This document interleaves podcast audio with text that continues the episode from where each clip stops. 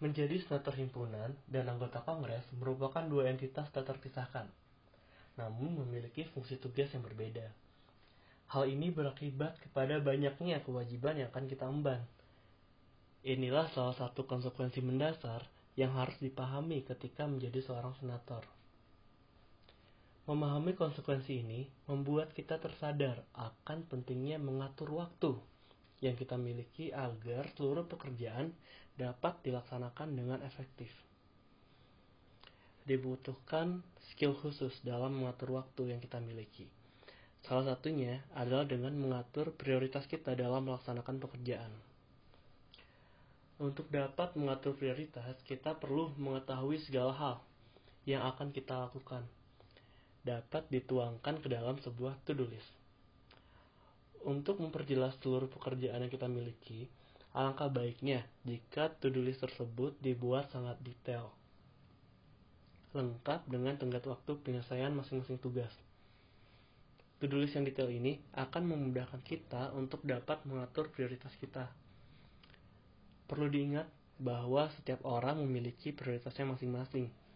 Ada yang memprioritaskan kemahasiswaannya, akademiknya, hingga keluarga sebagai prioritas utama. Tidak ada yang salah dengan itu. Selama menjadi senator, inilah masa di mana kita bisa melatih diri kita dalam menentukan prioritas. Tidak selalu percobaan pertama pasti berhasil.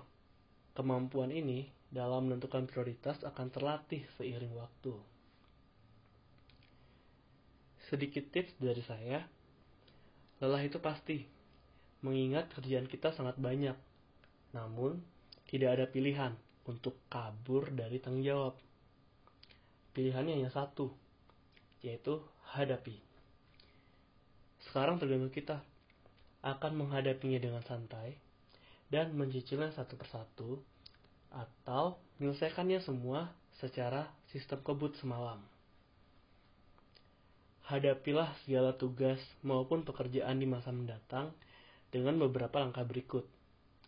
Yang pertama, buat to-do listnya secara mendetail akan lebih baik apabila kita memiliki to-do list mingguan, bahkan bulanan, untuk memberikan gambaran yang lebih jelas terkait seluruh pekerjaan kita.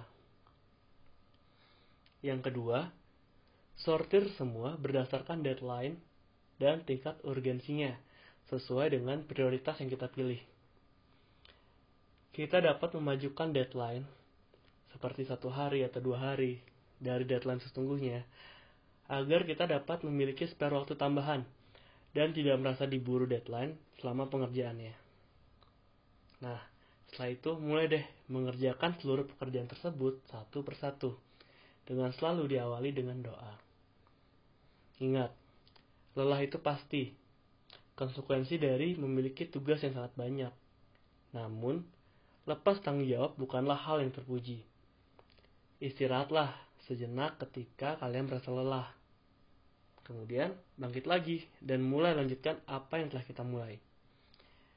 Niat yang baik akan diberikan jalan terbaik. Selalu memiliki pikiran yang positif agar kita bisa menikmati segala proses yang akan kita lalui.